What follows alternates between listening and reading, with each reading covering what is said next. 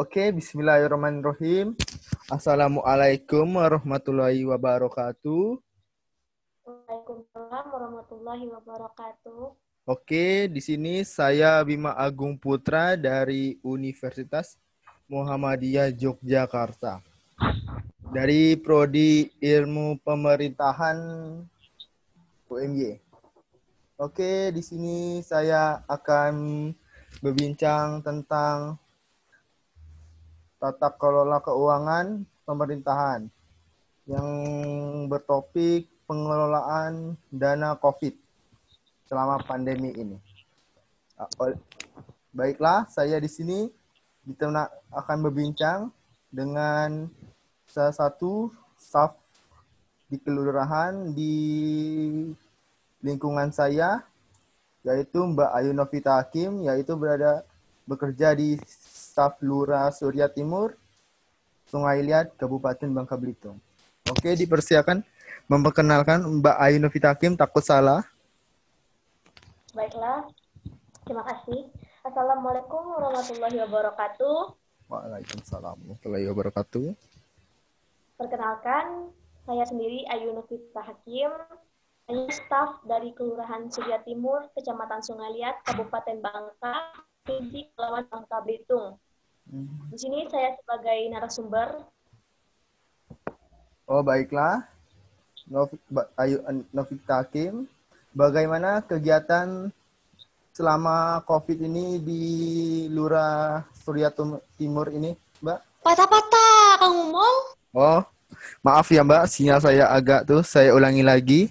Bagaimana kegiatan Mbak selama COVID 19 ini di ke, ke, di kantor apakah masih berjalan dengan lancar atau online atau datang ke kantor begitulah.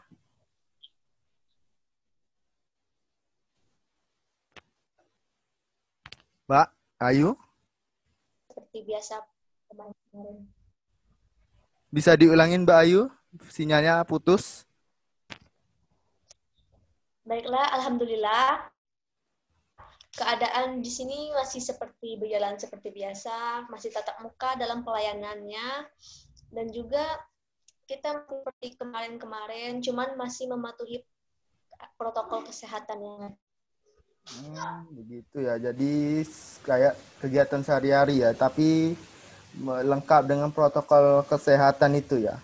Oke Mbak, ke intinya saja saya akan menanyakan tentang RKA SKPD yang berada di Lurah Mbak ya. Kalau boleh tahu RKA SKPD itu apa sih Mbak? Uh, kalau RKA SKPD itu RKA sendiri itu tingkatan tenaga kerja dan anggaran, sedangkan SKPD itu satuan kerja perangkat daerah. Nah, maksudnya ini uh, dokumen perencanaan dan penganggaran yang berisi rencana pendapat, rencana belanja, program dan kegiatan SKPD, serta rencana pembiayaan sebagai dasar penyusunan APBD atau anggaran pendapatan belanja daerah. Hmm. Gitu. Oke, kali ini saya akan menanyakan lagi, Mbak. RKSKPD selama COVID ini gimana sih yang ada di Kora Mbak Ayu nih? Nah, untuk RKA SKPD selama COVID pada Kelurahan Timur sendiri itu disusun oleh kelurahan berdasarkan kebutuhan masyarakat yang disesuaikan dengan pagu anggaran. Pagu sendiri dalam keuangan dapat dikatakan sebagai batas pengeluaran tertinggi yang tidak boleh dilampaui dan pelaksanaannya harus dapat bisa untuk dipertanggungjawabkan hmm. atau dapat dikatakan sebagai batas limit pagu itu. Hmm uh, ini ya, kalau selama COVID ini berapa sih anggaran yang dibutuhkan oleh Lurah Mbak untuk diberikan kepada masyarakat COVID ini yang terkena? Hmm, anggaran tahun 2020 kemarin itu 366 juta rupiah. Oh, oh, itu tuh sudah semua ya? Iya, itu sudah semua itu juga hmm, bentar ya. uh, itu dana itu juga untuk pemulihan perekonomian warga masyarakat yang terdampak COVID. Terus juga um, dipakai untuk pembangunan sarana prasarana untuk kelurahan yang masih memiliki kondisi yang tidak baik atau dan juga dipakai untuk meningkatkan kesejahteraan masyarakat melalui pekerjaan kayak gitu. Hmm, oh itu itu sudah apa? Sudah pengolahan dananya tuh atau bukan itu? Atau beda itu?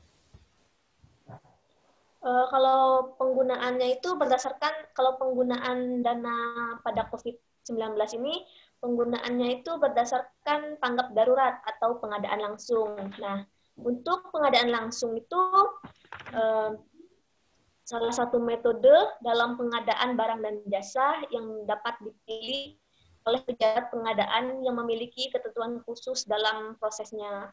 Jadi langsung.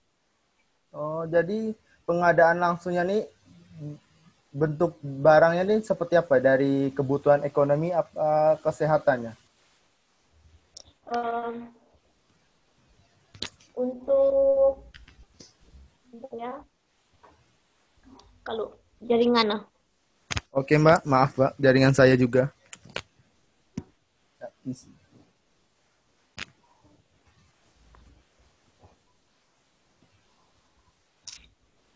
Sudah ya? nah. Untuk dana ini sendiri itu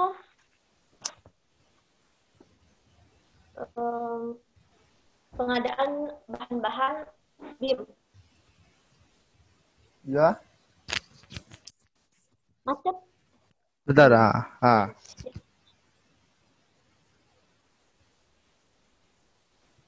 Ayo. Ini untuk sudah nggak suara ya? Oh maaf ya Mbak, ada jaringan salah tadi. Nggak bisa ya. dilanjutkan. Nah untuk uh, tadi tadi apa ya tadi ya? Sampai mana ya? Pengadaan langsungnya berupa bentuknya itu seperti apa? Pengadaannya itu eh, bahan-bahan atau alat-alat kesehatan dan kegiatan lain sesuai ketentuan yang berlaku. Hmm. Nah, saya juga mau nanya nih, kalau, kalau ingin mendapatkan bantuan tersebut, nah kriteria untuk mendapatkan itu seperti apa masyarakat tuh? Kriterianya? Nah, untuk kriteria yang mendapatkan dana kelurahan ini biasanya masyarakat yang benar-benar dianggap tidak mampu dari pihak administrasi kelurahan yang sudah berkoordinasi dengan pihak yang paling bawah seperti kepala lingkungan atau kaling dan RT. Untuk yang terdapat bantuan COVID biasanya kita lihat dulu siapa saja masyarakat yang benar terdampak COVID, misalnya seperti buruh harian, karyawan yang di PHK, yang artinya tidak ada penghasilan atau penurunan penghasilan atau adanya penurunan penghasilan yang drastis gitu dari biasanya. Hal ini itu bertujuan untuk membantu meringankan beban masyarakat tersebut, khususnya bagi yang terdampak pandemi saat ini. Hmm. Nah, kalau penyalurannya tuh gimana ya, Mbak? Ke masyarakat tuh apa secara langsung atau ada perantara gitu? Ini penyaluran dalam artian alat alat kesehatan atau dalam bantuan sosial gitu, bantuan tunai. Oh. Yang mana ini? Oh, dua-duanya, Mbak.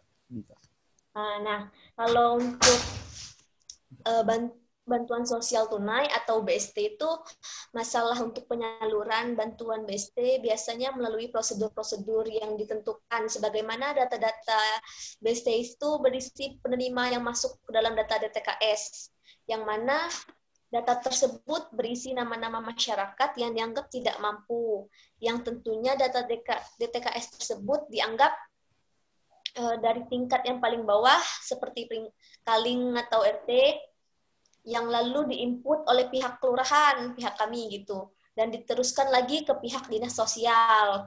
Untuk diteruskan ke Kementerian Sosial lalu Kementerian Sosial atau Kemensos merilis data untuk mendapatkan bantuan sosial tunai tadi, BST tadi, yang penyalurannya bekerja sama dengan pihak kantor pos untuk menyalurkan bantuan BST tersebut. Nah, jadi kita tuh kayak bekerja sama gitu sama kantor pos. Kadang kalau pembagian BST itu kantor posnya datang ke kelurahan kita untuk bagi bantuan itu. Kadang juga ada juga yang kalau beberapa kelurahan itu warganya yang datang ke kantor pos, tapi kalau untuk kelurahan beda-beda gitu loh. Jadi untuk kelurahan kami itu kantor orang-orang kantor pos itu pegawai kantor pos yang datang ke kelurahan langsung. Nah, untuk penyaluran alat-alat kesehatan untuk itu tuh diutamain itu untuk tempat-tempat yang ibadah, tempat-tempat ibadah gitu.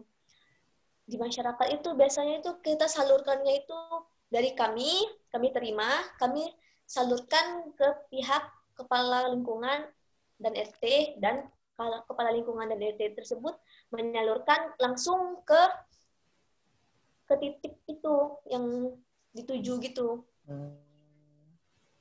Oh, oke okay, Pak. Kali ini saya akan menanya terakhir ya.